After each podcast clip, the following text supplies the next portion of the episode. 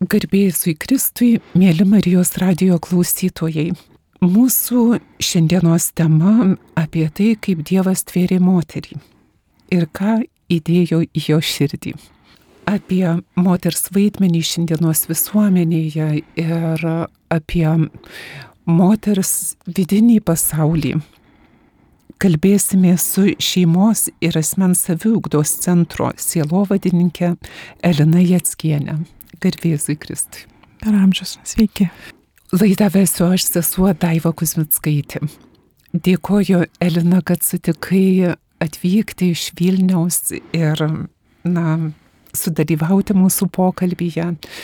Ir tema iš tikrųjų, na, gali pasirodyti tiesiog nepopuliari, neįdomi, bet iš tikrųjų labai svarbi, nes tiek, kiek tenka stebėti, kas vyksta mūsų visuomenėje, galim, na, suprasti ir yra labai ryšku, kad moteris tampa labiau objektu nei asmeniu.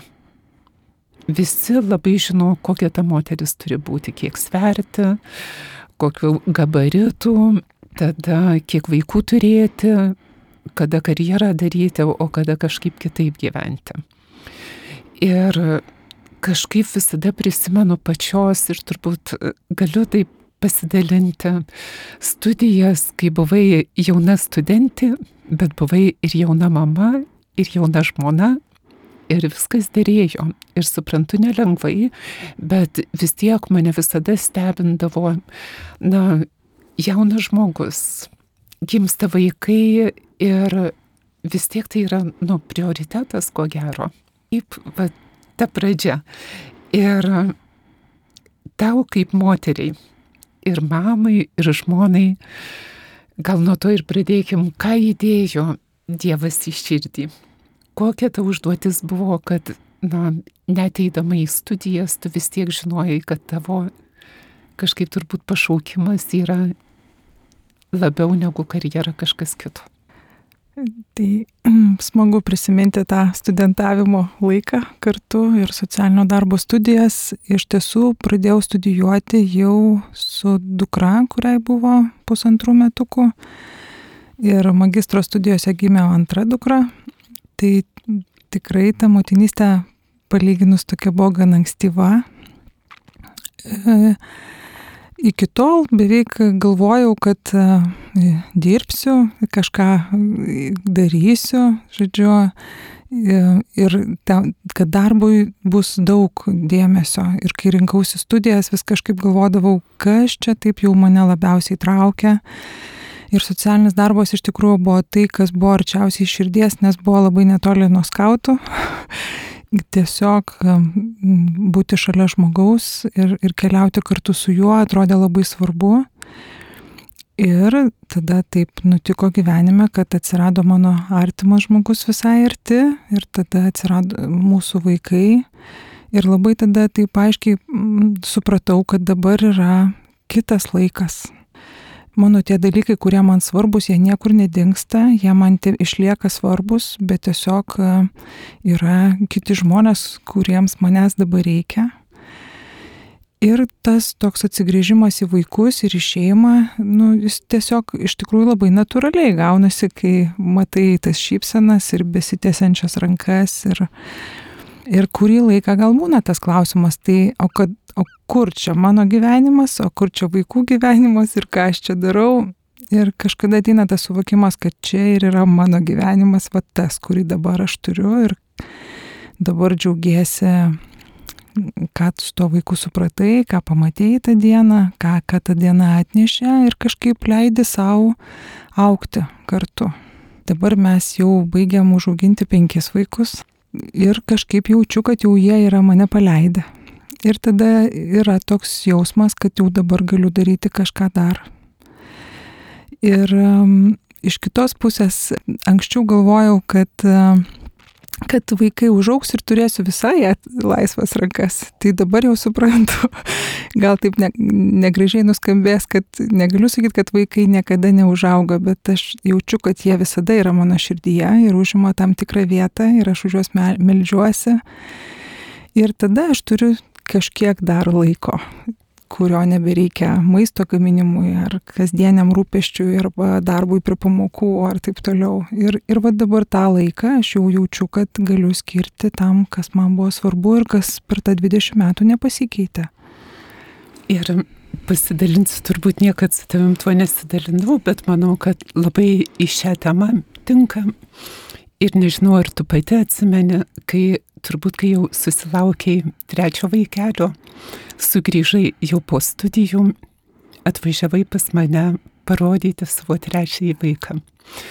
Ir aš per tuos 20 metų vis prisimenu ir turbūt ne vieno kito studento taip ryškiai, galvodama, ką reiškia žmogus baigė magistrantūrą labai sėkmingai ir nu tikrai išskirtinai ir džiaugiasi savo naujagimiu ir jį veža parodyti žmonėm, kur, nu va, tai man e, tiesiog galvoju, kaip gražu, kad jauna šeima džiaugiasi savo vaikais ir tai yra didžiausia brangenybė, kurią gali pasidžiaugti ir apdovanoti ir kitus. Ar tu prisimeni tuos laikus, kai gimdavo vaikai?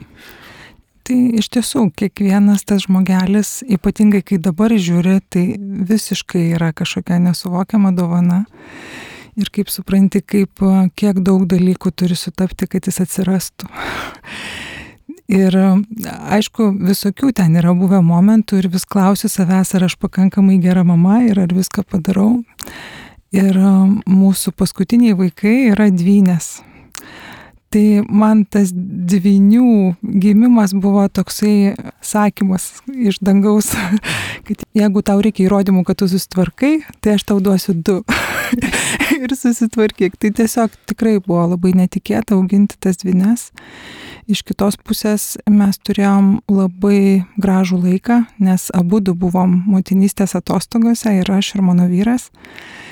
Lietuvos Respublika turi nuostabius įstatymus auginti vaikus ir daug tikrai nuveikiam kartu ir tikrai per turbūt tos 25 metus, kiek dabar esam santokoje, tas laikas yra vienas iš daugiausiai, kaip mes prabuvom kartu. Ir aš aišku labai esu dėkinga savo mamai ir vyro tevam, kurie padėjo mums tos vaikus auginti, nes tų rankų reikia. Bet um, tikrai tas laikas yra tai, ko dabar labai džiaugiuosi. Ir labai įdomu vat, klausyti pačios patirties ir liūdėjimo ir lyginti su kai kurių moterų, na, tokiu įtampa. Ir įtampa tarp to, kokie yra visuomenės lūkesčiai moteriai ir to, kaip jinai jaučiasi, ir tarsi norėtų sekti širdį, bet labai tas kultūrinis toks spaudimas aplinkos, kad ji turi būti sėkminga, kad ji turi būti verslę karjeros laiptais kopti. Ir tada kažkaip atrodo lygiai taip pat pasirūpinti būtimi, kai, kai jau viską turėsiu ir kai jau būsiu atsivalgiusi tokio, nu tikrai pasaulietinio to gyvenimo, tada galėsiu ir vaikus auginti. Ir turbūt taip gyvenime nebūtinai vyksta. Bet kita vertus, kai šitaip, na, klausai ir stebi, ką mūsų visuomenė, kokį apinasrį arba, nu, tiesiog uždeda moteriai tokį jungą, kuris yra tiesiog nepakeliamas. Nes moteris padaroma objektu, tarsi nelieka žmogaus, nelieka to gyvo, gražaus Dievo sutverto su savo užduotimis kūrinio. Ir ta moteris vis bėga tarsi nuo savęs, nuo savo esmės, nes turi patenkinti tuos lūkesčius. Ir savo formas atitikti, ir bet, būtent, žinai, baigti universitetus ir dar kažką. Ir tarsi visa kita dar palauks. Bet pirmiausia, turiu socializuotis. Ir matom ir iš pačios gyvenimo, kad nereikia visko supriešinti. Iš tiesų, aš kažkaip tikrai galvojau, kad tuo metu, kai mūsų bendramžiai 23 metų dar eidavo į šokius, o mes jau auginom žmogelius, tai atrodė, kad kada nors ir aš eisiu jau kaip auks, tai tada aš eisiu į šokius.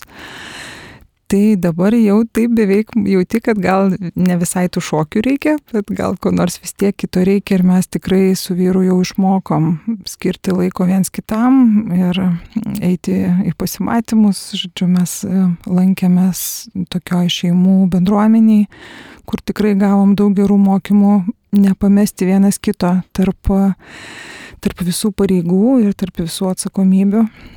Ir čia gal irgi yra, nu, toks e, labai gražus tas kelias, kai dabar jau žiūriu atgal, kuriuo esu vedama ir labai, ir kaip matau, kaip vienas iš kito kyla dalykai. Iš tiesų, kai gimė sunus, aš išėjau iš, tuo metu dėščiau universitete, bet aš išėjau jo auginti ir jau supratau, kad man paprasčiau yra nelaikyti tų dviejų vadžių įsikabinus ir darbo, ir vaikų ir aš išėjau iš universiteto ir e, tada dar va gimė ir dvynės. Ir kol dvynės paaugo iki kokių keturių, penkių metų, ko aš jas auginau namie, tai praktiškai mano pagrindinė veikla ir buvo būti namie su vaikais, bet tuo pačiu metu mes atradom e, šeimų bendruomenės kurios labai padeda tau pamatyti, koks tu nesi vienas su savo rūpeščiais, su savo klausimais ir tarsi pagauna. Va, tas jaunas šeimas ar, ir tas jau vis augančias šeimas ir padeda susiorientuoti, kas yra svarbu ir padeda pamatyti, kaip kiti derina irgi tuos dalykus ir, ir šeiminius, ir, ir darbinius ir kad įmanoma ir matyti, kaip kada kas paskui grįžta į darbus, kada pradeda naujus, žodžiu, kad, nu, tokio labai vieni kitų palaikymo daug va tose šeimų bendruomenėse, ką mes irgi esam labai dėkingi. Ir ta patirtis buvo tokia brangi, kaip tas aukso puodas, kur vieną kartą radus norisi ties tuo dirbti ir praktiškai iš to buvimo bendruomenėje aš išsinešiau suvokimą, kad labai smagu dirbti ties selovada. Ir vat po truputį irgi auginu savo kaip selovadininkės tokį kelią. Mhm. Tai dar iki selovados būtų vis tiek įdomu, bet kai sakai šeimų bendruomenės ir labai girdėjau pačios pasakymą apie tėvus, tai šeimai šiandien turbūt labai svarbu ir ta giminystės pačių artimiausių giminaičių pagalba, nes nesimokai universitetuose, kaip auginti vaikus, kaip bendrauti su vyru, gal truputį. Ir galiausiai nu neatsisėsi ir neskaitysi. Ir ypač kai pavargsti e, tos pagalbos ir tie mainai, kurie vyksta su artimaisiais, labai svarbus. Ir tada dar, jeigu atsiranda bendruomenės, kuriuose kaip jūs, na, suprantu, kad priklausai bendra keliaivių, bet tai į tai tarsi vedė gyvenimas su šeimų bendruomenėm, tai Tai iš tiesų aš labai džiaugiuosi savo šeima, gimtaja šeima, kurioje ryšiai buvo svarbu labai. Mano tėtis važiuodavo lankyti savo mamos į kitą Lietuvos kraštą vieną kartą per mėnesį ir mus veždavosi. Žodžiu, tai ta bendrystė mes tebetėsiam ir tiek aš su broliu, tiek su pusbroliais, nu, nėra. Mes kartais juokiamės, kad pas mus kažkokia yra itališka šeima. ir dabar va, dar prisimenu vienus metus, kai visi pusbroliai susitikom slidinėti ant to pačio kalno su visom šeimom ir tikrai buvo didžiulis, didžiulė šventė, kad mes taip galėjom visi susiderinti. Bet ta bendrystė, aš galvoju, aš tikrai jos gyvenime, kai yra poreikis, tai labai ieškai, kaip ją, kaip jį ir užpildyti, tai galima sakyti, kad pradžia po šeimos, paskui buvo bendrystės kautuose, kur esam broliai ir seseris. Teisingai tada e, va, ta bendrystė krikščioniško organizacijoje. Ir po to va dabar bendrystė bendra keliaiviuose, kur mes rūpinamės ir išsiskyrusiais, ir, ir kitomis šeimomis. Tiesiog kažkaip tas buvimas, va, kažkaip aš galvoju, turbūt labai aš anksti supratau, kad man ryšiai labai svarbu Ir kažkaip dabar, kai žiūriu atgal į gyvenimą, matau, kad visokiais būdais tuos ryšius bandau laikyti, arba jais rūpintis, arba dėl jų dirbti, arba apie juos mokytis. Tai kartais kažkokiu vienu šonu jie sublizga, kartais kitų šonų, bet iš principo tai yra va, apie esmę tas, kas man iš tikrųjų svarbu. Ir, nu, vat, kai jau sakai tai, kas yra svarbu, tai suprantu vis tiek taip žiūrint, nu, moters tas uždavinys būti ir saugoti namų žydinį. Ir man atrodo, net jeigu taip giliau pažiūrėtume, kad ir visuomeniai moteris turi tam tikrą išskirtinę misiją.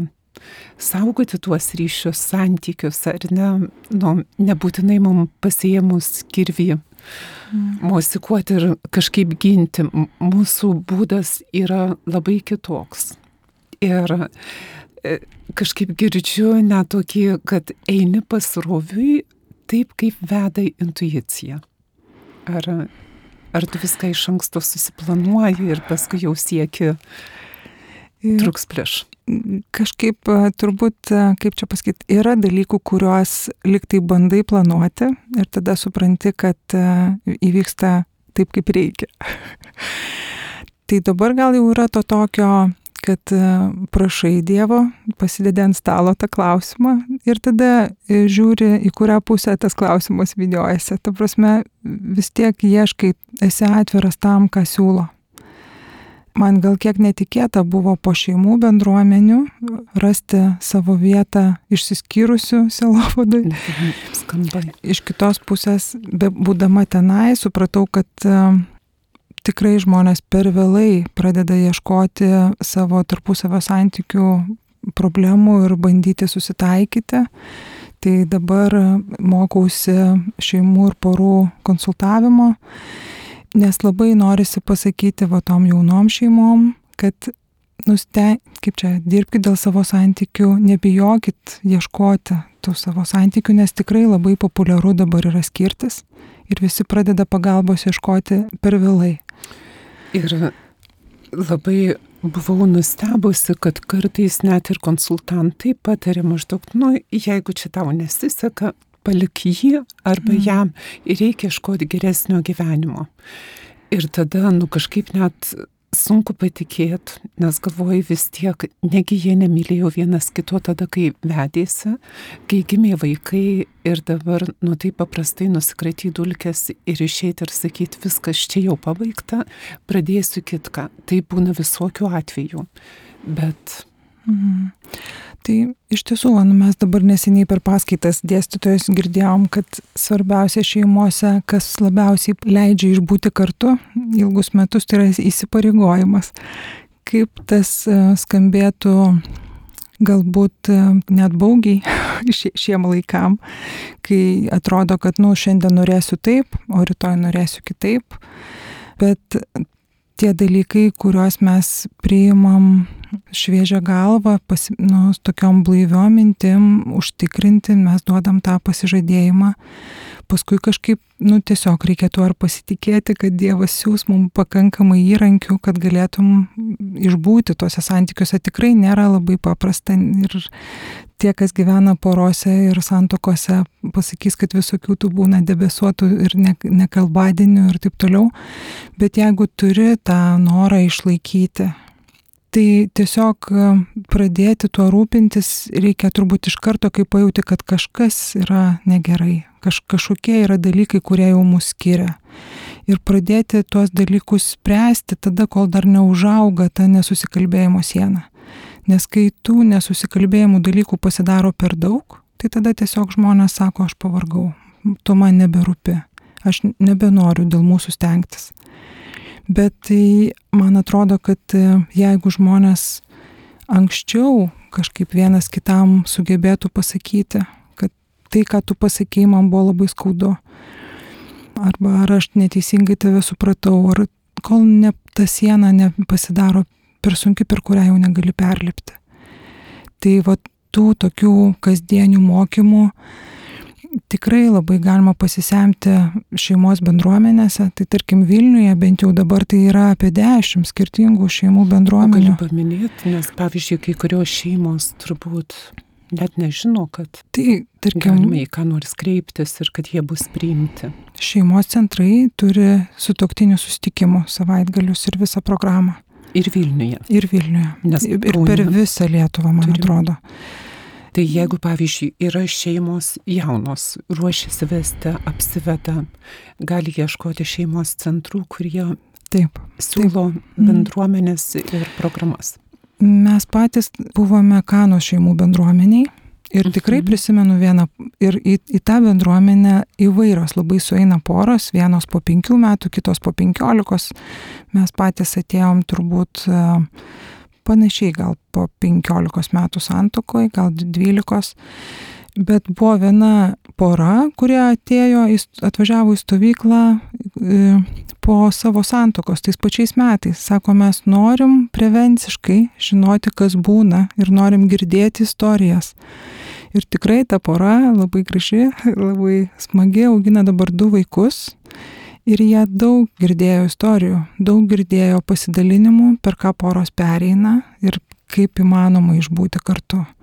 Tai va tas toksai Paskui yra Vilniuje yra Agapė, yra Dievo motinos komandos, tai iš tikrųjų daug yra bendruomenių, kurios rūpinasi tarpusavio santykiais, su toktiniu tarpusavio santykiais, kad tik tos santokos išliktų. Tai pats mechanizmas, nesvarbu, kaip tos bendruomenės vadinasi, yra na, bičiulystė, bendrystė, kurios metu, vat, kaip paminėjai, žmonės dalyjasi nesėkmės istorijom ir kaip iš jų išlipa iš krizių.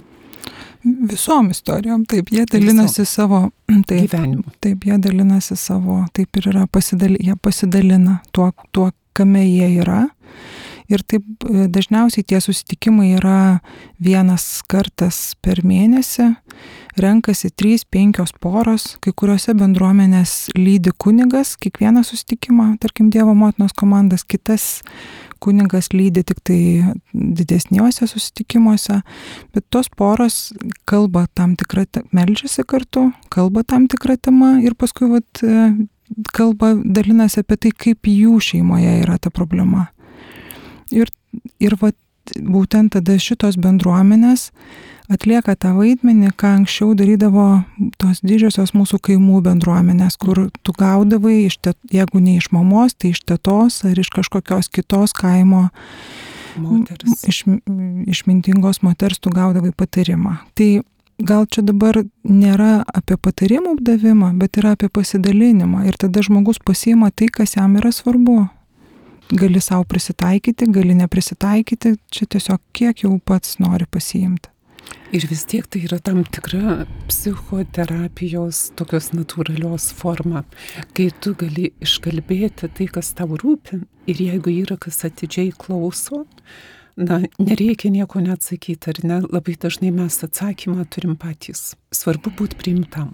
Tas formatas yra turbūt savitarpio paramos grupės, į kurias tu ir ateini su savo sutoktiniu. Ir pradžioje tai labai daug kas kalba, kad šituose susitikimuose tu esi nuoširdesnis negu kad tu esi poroje. Nes tokia tai? kuriama atmosfera, yra malda prieš tai, yra nemažai mokymų, kurių metu tu supranti, kad kaip čia apsimoka būti tiesoje ir kalbėti tai, kaip yra iš tiesų ir nebijoti tų problemų, jas spręsti. Ir kai kurios šeimos tada kalba, kad, nu, vat, toje, tame susitikime aš išgirdau, ką iš tikrųjų mano vyras galvoja nes kažkodėl kartais sunku tą išgirsti paprastoje aplinkoje, namų aplinkoje. Tie susitikimai tikrai padeda šeimom išbūti ir tuos sudėtingus atvejus ir, ir, ir sudėtingus etapus. Ir paskui kažkaip vieni kitiem padeda keliauti tolyn. Ir tas rūpestis vieni kitais irgi labai svarbus, ar ne, ir dėmesys. Tai čia yra tos šeimų bendruomenės. O bendrakeleiviai, kada skiriasi, kaip sugalvojot tokį, na, tiesiog tarnystė, nežinau net kaip pasakyti, kaip ją pasiūlyti šeimoms, iš kur tai kilo? Pats bendrakeleivių centras įsisteigė maždaug prieš 20 metų. Tėvelis Antanas Saulaitis su selovadininkė Elvyra Kučinskaitė ir su psichologė Rasa Beliauskaitė, ieškodami kaip padėti žmonėm, kurie labai jautėsi įskaudinti, sugniuždyti, kurie ieškojo pagalbos ir tuo metu bažnyčios pagalbos buvo pakankamai mažai. Tai tėvelis Antanas parvežė, man atrodo, iš Austrijos tokį metodą, kai tie žmonės yra kviečiami į grupę. Grupę veda silovadininkas, psichologas ir kunigas, arba du, kurie iš tų žmonių. Ir kunigas, tarkim, ateina ir va tie žmonės irgi, tai yra savitarpio paramos grupė, į kurią atėjus tu kalbi apie tai, per ką tu dabar eini yra tam tikra tokia, yra knyga išleista remiantis šitų grupių patirtim ir lietuvių, ir lietuvių kalba, jinai mhm. vadinasi įskaudinta meilė. Ir va ten yra irgi daug istorijų ir yra toks pristatomas tas modelis, kad e, mes su jėja kalbam apie tai, kokios emocijos mūsų užpuola tais atvejais, kur mes jaučiamės. Ir dabar jau turbūt e, aš esu dalyvavusi kokiuose keturiose grupėse, tai kiekvieną kartą labai yra įdomu matyti, kaip sukrenta visiškai nepažįstami žmonės, sueina į tokią grupę ir jie turi 15 susitikimų, 15 savaičių, vieną vakarą ir kaip jie per tą 15 savaičių tampa vieni kitiem beveik draugais. Nes jie tą 15 savaičių eina kartu, jie girdi vieni kitų patirtis ir jie vieni kitiems atsako. Vienas pasidalina ir tada kitas sako, žinai, tu man atsakėjai mano klausimą. Tai va ta stebuklinga žmonių ryšių mozaika yra kažkas neįtikėtino. Aišku, pirmi tie sustikimai tikrai yra nelengvi ir skausmo yra daug, Bet paskui tie žmonės mums vedantiems yra liūdėjimas, kad, kad ta gyvy, gyvasties jėga yra juose ir jie keliasi. Ir net baigėsi susitikimai, o tie žmonės toliau susitikinėja ir mišiuose, ir, ir kitose susitikimuose, žodžiu, ta prasme, kad ta bendrystė tęsiasi.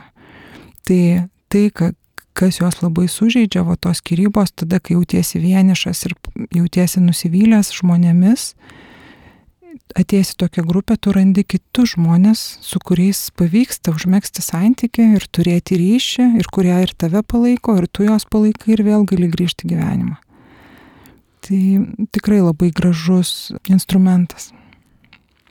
Ir jis veikia Vilniuje, ar yra ir kituose miestuose? parapijose, kokiu būdu? Vilniuje mes turime tas tiesioginės grupės, kur dirbame, dažniausiai du kartus, dvi grupės pasileidžia rudenį ir dvi grupės pavasarį. Ir dar dažniausiai turime bent vieną nuotolinę grupę. Pradėjom per COVID, tai dar vat, būna nuotolių viena grupė maždaug per metus, kur galima prisijungti ir iš kitų Lietuvos miestų, arba iš Škotijos, arba Iš bet kur. Iš bet kur. Nuostabu. Tai tikrai galima skleisti tą gerąją žinią, kad jeigu žmogus labai sužeistas, įsivaizduoju, jeigu dar ir vaikų turim, nu tai visa sistema griūva ir, žinai, taip kaip namas. Ir žaizdos ir visa kas, kur atlaikyti kartais būna labai sunku visiems šeimos nariams. Tai nėra, kad nusivau batus ir išėjau ir pradėjau gyventi kitą gyvenimą. Taip, tas etapas jis e, įvairiai užtrunka. Į tas grupės sueina žmonės, vieni sueina mėnesis po skirybų, kuriem ta žaizda yra kraujuojanti ir ten labai opi ir tikrai yra nemažai ašarų. O kiti žmonės ateina po 15 metų, po skirybų ir kuris sako, aš vis tiek negaliu atleisti, negaliu su to susitaikyti, aš dar tebe gyvenu anuo gyvenimu. Tai labai įvairios patirtis, bet būtent ta įvairovė ir kažkaip labai gydančiai ir veikia, nes vieni kitus ir patempia. Ir to skausmo labai daug, bet kartu nu, mm. atpažįsta, kad turbūt visi mes tokie sužeisti. Taip, tikrai ta žmogaus gyvybės jėga, jinai yra kažkokia, negali ją nesigrožėti, tikrai labai labai džiugina net ir mus, ir mus įkvepia palaikyti tai ir dirbti ir toliau, kai tu matai, kad žmogaus akis žvilga vėl. Tiems, kam norisi, kad akis atgautų. Mm regėjimą ir džiugesį gali tikrai kreiptis. O tada, kur reikėtų internete ieškoti? Internete apie bendrakeleivius galite rasti bendrakeleivių puslapį bendrakeleivių LT. Taip mes mhm. visą informaciją apie grupės. Ir jeigu žinom, kad kažkam labai labai sunku po skirybų ir... Tai per laiką iš tiesų tas centras, va, ta pirmoji programa ir buvo išėjimų iš skirybų krizės grupė. O paskui matėsi, kad žmonėm vis tiek norisi pasilikti ir, ir toliau bendrauti ir kažką daryti. Tai buvo e, daug sugalvota ir visokių kūrybinių vakarų. Ir paskui tokios gimė tam tikros selovadinės programos. Tai mes dabar turim turbūt gal kokias penkias ar šešias programas, kur pradedant nuo eiki savo kambarėlį, kuri yra daug kur irgi šiuo metu, bet turim dar vieną programą moterim žavingoje turim tokią programą apie humoro, apčiai. Žodžiu, daug, ta prasme, mes bandom palaikyti tą bendruomeniškumą tol, kol tam žmogui yra reikalinga. Ir taip pat galima gauti nemokamą teisininko konsultaciją. Ir taip pat yra grupės vaikam, iš tokių šeimų, išsiskyrusių šeimų vaikam, rašom projektus ir yra dailės terapija socialinių įgūdžių grupės, žodžiu, bandom kažkaip pasiūlyti. Skirybas patyrusių vaikų. vaikų tai. Įgūdžių grupės. Taip. Ir kokių įgūdžių mokot? Nu, taip labiausiai tai eina kalba apie tos emocinios, emocinio mhm. raštingumo ir, ir tokio savęs nusiraminimo ir savęs pažinimo. Mhm. Dabar yra viena va, grupė dailės terapijos, o viena yra dvi psichologijos dirba su vaikais. Tai dvi grupės. Ir daug vaikų turit?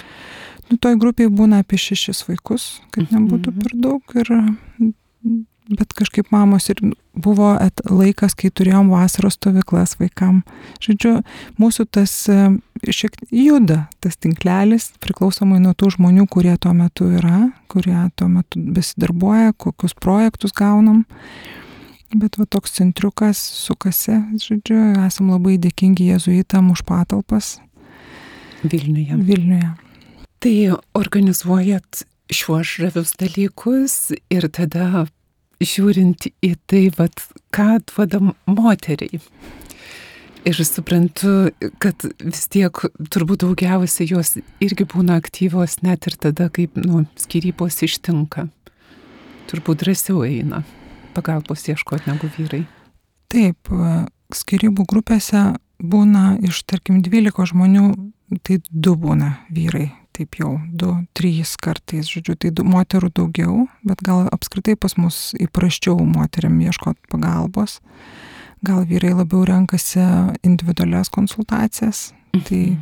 daug dieve, kad, kad apskritai renkasi. Bet kažkaip sakyčiau, kad padrasinčiau visus. Yra Taip. moterų, kurios sako, kad aš nenorėčiau, kad man, mūsų grupėje būtų vyrų. Ir tada sakom, bet visuomenė jų yra. Ir mes čia turim tokį mažą visuomenės modelį. Psichologas ir silovadininkas yra atsakingi už klimatą, už taisyklės, kaip mes bendrausim grupiai. Tikrai stengiamės, kad būtų saugu ir jauku ir geriam arbatą. Ir tada va tokia gaunasi dar viena tokia maža laboratorija ir tokia saugi erdvė, kur, kur tu va vėl po truputį savo augini tas, vėl atpažįsti, kuo aš dabar esu po tų skirybų ir kas man svarbu, per ką aš perėjau. Ir kad, ta prasme, vėl galėtum kažkaip galvoti, žiūrėti į priekį, kaip sako tėvelis Antanas.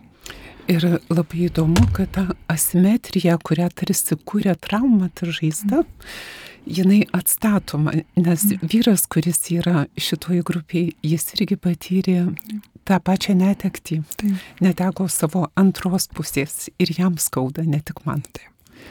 Tai labai labai įdomu, kad, na, gydo net ir tas buvimas kartu ir klausimasis, ne tik savų patirčių, bet ir, sakykime, moteriams vyrų, o vyrams moterų. Ir yra proga pamatyti kito požiūrį ir dažnai būna tokių klausimų, kad o kaip tu kaip vyras pasakytum, kaip čia atrodo iš tavo pusės. Ir tai tikrai, vat, vieni kitiem esam, esam parama ir resursas. Taip. Ir tada Elina perlai, kuriais viešpats mus apdovanoja ir kuriuos turime atrasti. Tai mhm. kas ta perlų programa? Esu girdėjus per Marijos radiją, pačią kalbančią, bet, nu, kažkaip man atrodo gražu, kai kalbam apie moteris, krikščionės, katalikės, kurioms viešpats davė labai daug kūrė ir apdovanojo. Tai kas tie perlai? Perlais mes vadinam dar vieną programą, kurią aš vedu. Tai yra 12 susitikimų moteriams programa. Mes susitinkam vieną kartą per savaitę.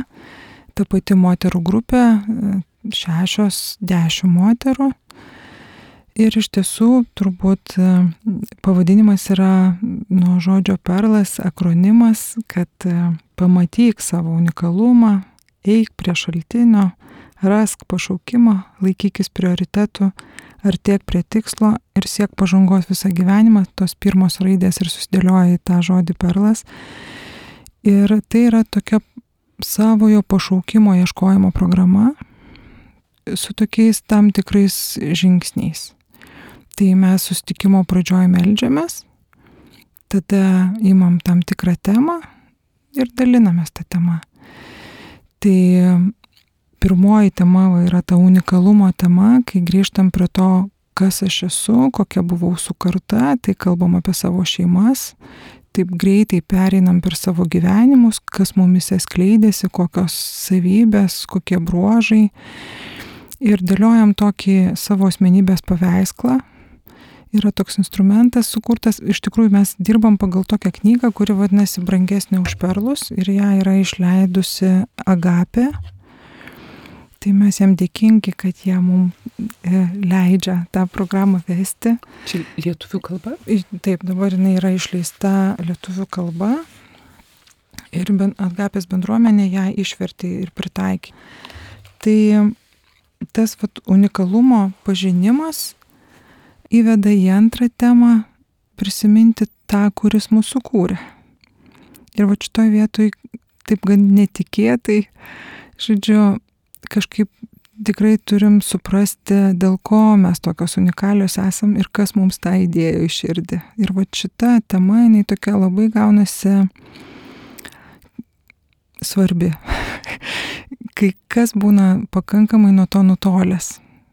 Labai kažkaip atrodo, kad aš vienas pats čia turiu viską nuspręsti, kuo aš noriu būti, ką, ką, ką aš čia darysiu ir taip toliau, bet va ta, tas grįžimas prie, prie kūrėjo, pažiūrėjimas į tai, ką jis man įdėjo ir ką, ko jis man linki, tikrai labai sugražina į, į tave, vat, į tą savo širdį, į savo esmę ir suteikia drąsos patikėti tuo, kuo esi nes pagrindinė krikščionybė žinia, kad e, tu esi mylimas ir esi sukurtas ir aš tavęs norėjau. Ir jeigu tu iki tol dar tuo nebuvai patikėjęs, tai va čia yra tokia, nu, gerai, pabandom iš naujo, dar, dar kartą. Nes tai yra šventam rašte, ne? Mes visi esam brangus ir visi esam norėti. Ir gražus. Taip, ir, ir, ir va ta esminė žinia, ta prasme, nubandome ją atkapstyti tą esminę žinią mūsų širdį. Sugrįžti į namus, Taip. atpažinti, ką viešpats man yra davęs.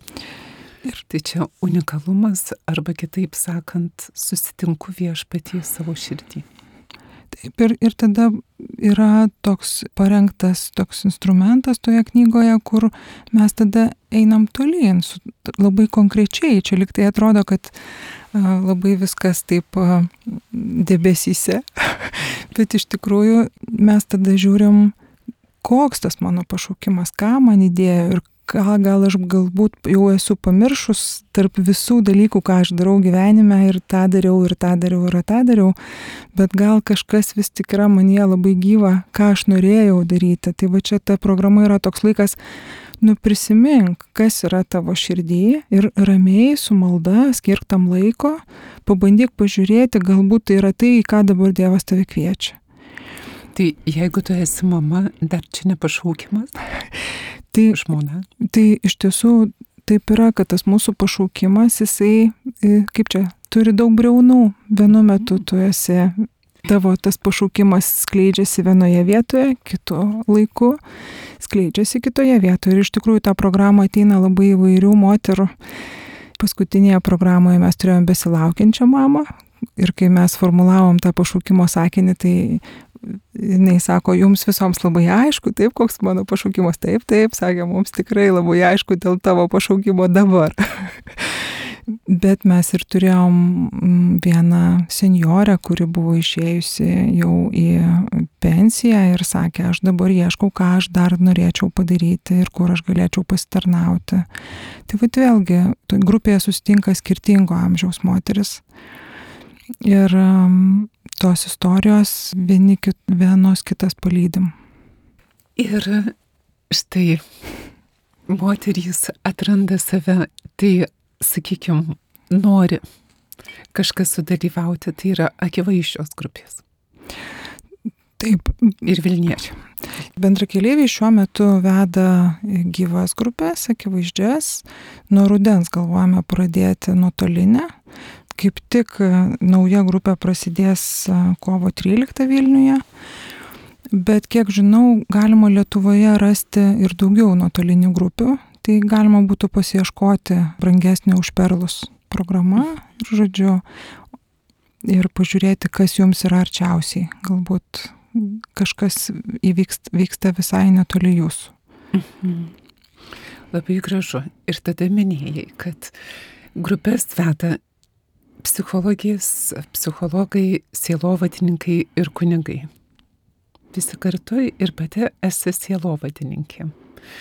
Na, ir socialinė darbuotoja. Tai ką tas sielovadininkas veikia, jeigu yra ir kunigas, ir psichologas?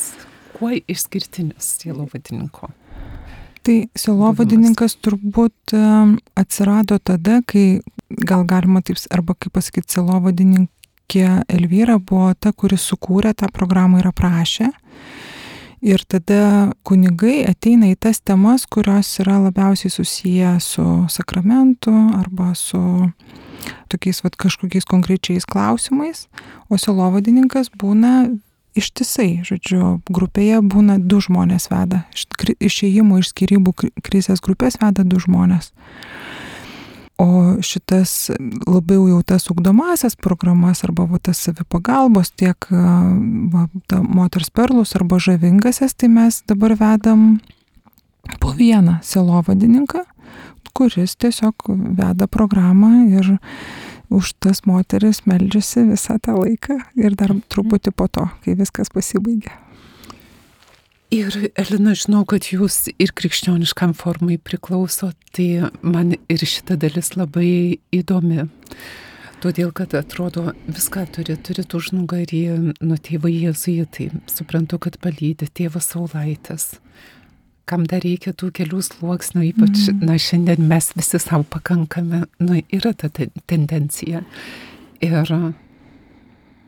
kaip, kaip ta narystė Taip, tai bendra keliaiviai jau porą metų yra krikščioniško socialinių iniciatyvų forumo nariai ir mes esam labai dėkingi jiem už tą bendrystę ir už bendromeniškumą ir už visus mokymus, kurie mus siūlo.